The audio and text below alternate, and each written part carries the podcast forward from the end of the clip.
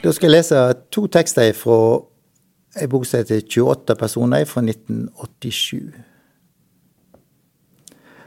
Det skjedde noe rart ei tid etter at hun var 36 år. En natt drømte hun det meste av det hun hadde opplevd dagen før. Neste natt drømte hun om dagen før der igjen. Slik fortsatte natt etter natt, dag for dag bakover i tid. Da hun var 40 år, drømte hun det hun opplevde som 32-åring. Da hun var 60, drømte hun livet sitt som 12-åring. Det var ikke bare det at hun drømte bakover i tid, drømmene var også baklengs. Drømmene begynte med at hun sto opp om kvelden, hele dagen gikk hun baklengs og snakka baklengs. Maten kom ut av munnen og var lagt ned på tallerkenen. Råvarene leverte en tilbake til butikken. Hun skjønner lite av hva som var sagt i begynnelsen, men etter hvert kunne hun forstå baklengssnakking fullt ut. Drømmene ble klarere og klarere. Da hun var 70 år, drømte hun livet sitt som toåring. Drømmene var nå nesten virkeligere enn det våkne livet. Hun kunne se gjennom øynene til en toåring, og samtidig er erfaringer medvittig til en 70-åring. Det var nesten ingen som trodde på disse drømmene, særlig ikke da hun drømte om barndommen sin. Da hun var 71 år gammel, fikk hun problemer med beina. Hun var sengeliggende og trang mye pleie. En tid etter at hun var 72 år, faller hun i koma. Slik led hun de siste ni månedene.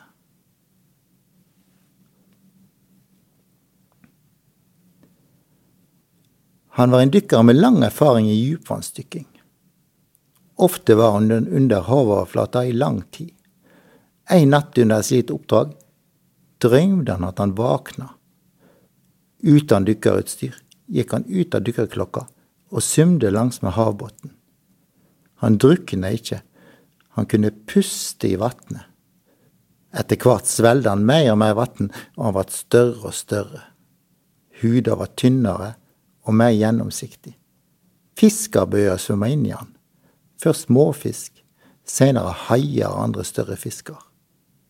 Til slutt hadde han til og med flere hvaler inni seg. Ei tid seinere hadde han sommerferie og bader sammen med barna sine. Han speiler ansiktet sitt i det klare vannet.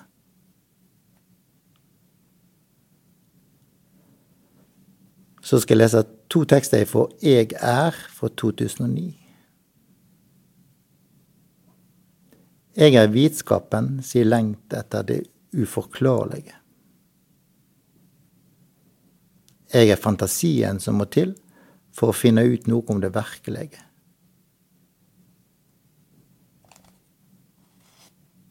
Så skal jeg lese én tekst fra de andre situasjonene fra 2009.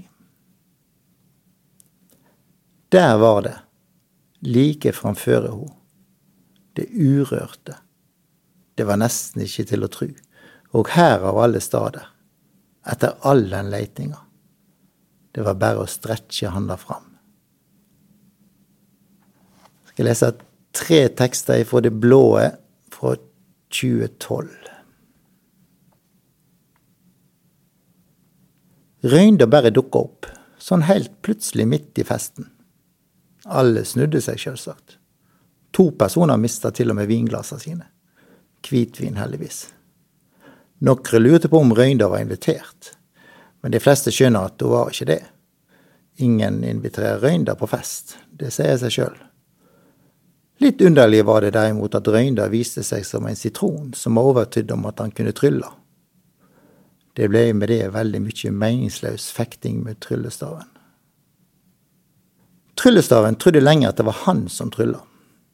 Det kom som et sjokk på han at det hele var satt i scene av den såkalte tryllekunstneren. Tryllestaven tok det svært tungt, og var ikke seg sjøl i tida etter. En dag forsvant den hvite kanina.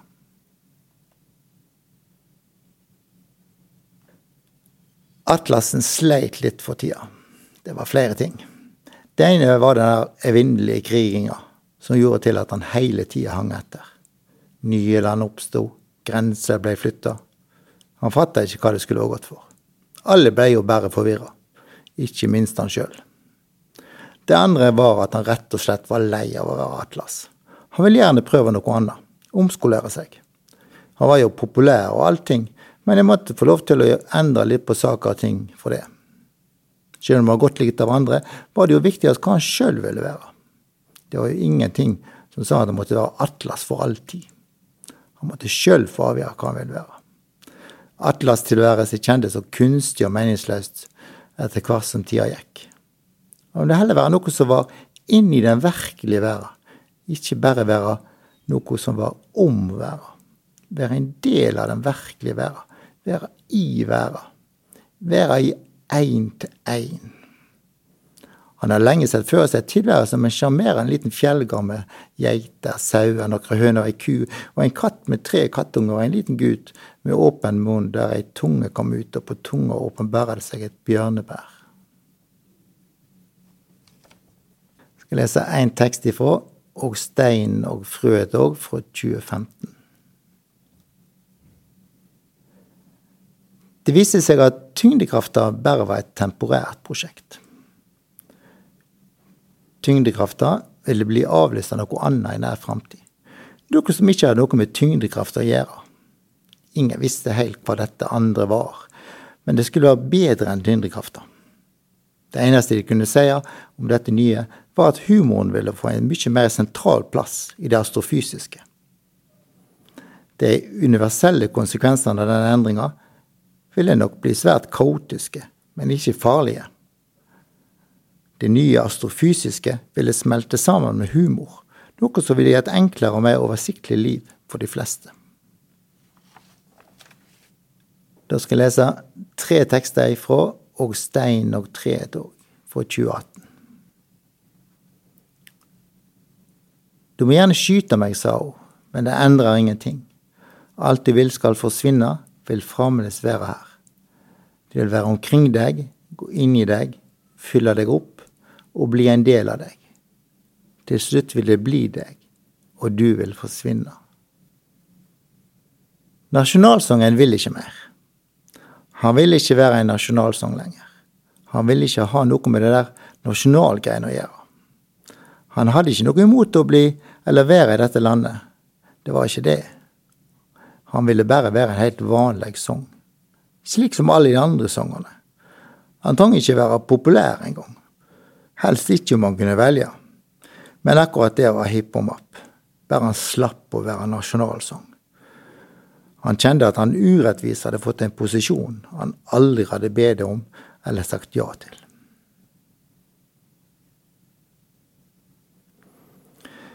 Ypperlig. Jeg tar det, sa jungelen. Én leilighet eller hele høy, høyblokka, spurte boligmekleren. Hele høyblokka, sjølsagt, sa jungelen. Når kan jeg flytte inn? Da skal jeg lese tre tekster ifra, og Fjellet og frøet òg, fra 2017.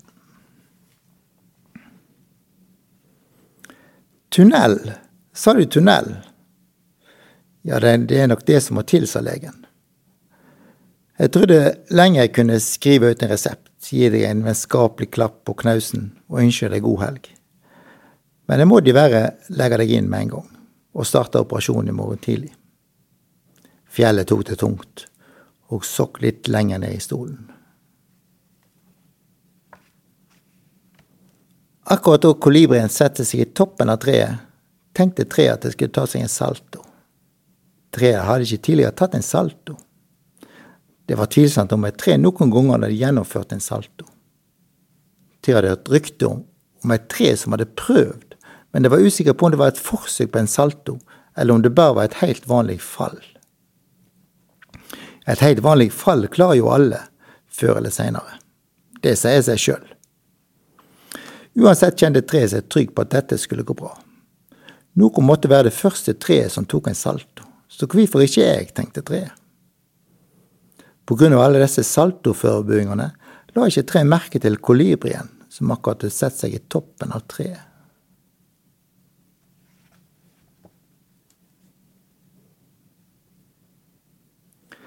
Den vesle fisken ble veldig forbausa da det hendte.